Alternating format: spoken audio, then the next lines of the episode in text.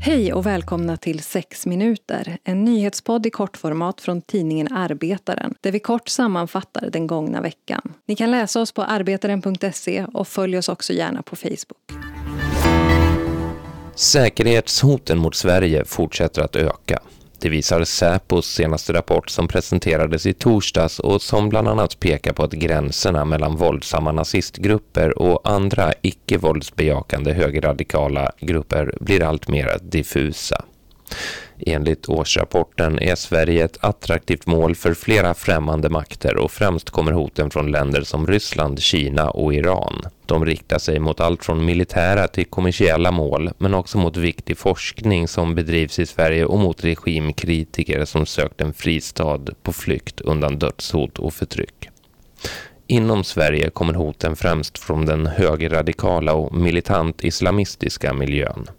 Säpo pekar på att bägge rörelserna har blivit betydligt bättre på att använda internet för att locka sympatisörer och nå ut med sin propaganda.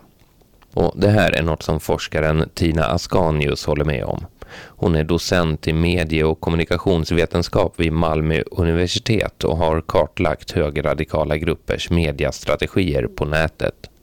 Hon menar bland annat att den nazistiska och fascistiska rörelsen blivit bättre på att använda humor och lättsmält underhållning för att på så vis normalisera sina ideologier på nätet. Och det här är något som kan få stora konsekvenser för den politiska debatten. Gränserna på något sätt flyttas. Att vi, vi hela tiden flyttar på gränserna för vad som faktiskt eh, eh, går att säga eh, i den offentliga liksom, debatten, i, de, i den offentliga sfären och att vi kanske på något sätt också avtruppas lite för, för budskapen om våld, hotet om våld. Eh, när vi alltmer liksom tar del av den, även om det är i det här, på det här skämtsamma, lättsamma sättet. Det sa alltså Tina Askanius vid Malmö universitet. En längre intervju med henne om hennes forskning kan ni läsa på arbetaren.se. Bakom de blodiga attackerna mot tre massagesalonger i den amerikanska staden Atlanta ligger både rasism och kvinnohat. Det menar nu allt fler människorättsorganisationer i landet. Det var i tisdag som den misstänkte mördaren Robert Long dödade minst åtta personer varav sex kvinnor med asiatiskt ursprung innan han greps av polis. I den utredning som nu pågår framkommer det att den misstänkte har ett dokumenterat sexmissbruk. Samtidigt larmar också allt fler asiatamerikanska organisationer om att rasismen mot människor med asiatiskt ursprung ökat rekordartat det senaste året. Inte minst sedan coronautbrottet och den tidigare presidenten Donald Trumps många utspel om Kina. Robert Long ska enligt amerikanska medier erkänt morden. Attackerna som många klassar som ett terrordåd har fått stor uppmärksamhet och dåden sätter återigen fokus på flera andra fall där unga vita män genomfört liknande massskjutningar de senaste åren. Ofta har måltavlorna varit kvinnor eller människor från någon av landets många minoritetsgrupper där motiven följt samma mönster av rasism och kvinnohat.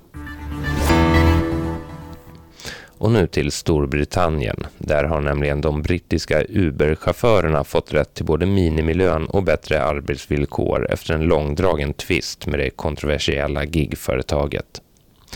Med en minimilön på strax över 100 kronor i timmen samt semesterersättning och pension beskrivs det nya avtalet som en seger för de omkring 70 000 Uber-förare som finns i landet. På arbetaren.se kan du läsa mer om vad avtalet innebär och hur Uber själva nu planerar att gå vidare för att fortsätta med sin verksamhet i både Storbritannien och resten av Europa. Nu sista ordet med Annie Hellqvist. I snart ett år har vi levt med en kraftigt kringskuren demonstrationsrätt på grund av pandemin. Den klaustrofobiska känslan kom nästan direkt förra våren när jag insåg vad restriktionerna innebar när det kom till rätten att demonstrera. Vi är många som har lovat att det finns något annat. Som har berättat berättelser om den nya värld vi bär i våra hjärtan. Mot individualismen har vi ställt kollektivismen, men nu kan vi inte längre utöva den. Mot alienationen har vi ställt gemenskapen, men känslan av gemenskap finns ingenstans. Det gör det svårt att drömma andra drömmar och berätta andra berättelser. Det är som att själva löftet om en annan värld är svårt att få fatt på. Detta samtidigt som demokratin i världen är på tillbakagång. Utvecklingen är som mest alarmerande i Polen och Ungern enligt nya mätningar. Men även länder som ligger betydligt högre upp på demokratirankingen har börjat begränsa rätten till protest. I Storbritannien håller just nu en ny lagstiftning på att drivas igenom som begränsar rätten att demonstrera om demonstrationen bedöms störa samhällslivet. Grekland drev i somras igenom en liknande lag. USA har sett en massiv lagstiftningspush där en femtedel av landets stater sedan stormningen av kongressen genomdrivit lagar som begränsar demonstrationsrätten. Viruset är ingalunda ett påhitt för att hindra oss från att uttrycka protest, som de konspiratoriskt lagda hävdar. Men under året har gränser onekligen flyttats runt om i världen. Och den dag vi i Sverige har en rörelse som utmanar, stör och ställer till det så finns det exempel, både i Europa och USA, att snegla på för den som vill sätta stopp. Det är en utveckling att hålla ögonen på.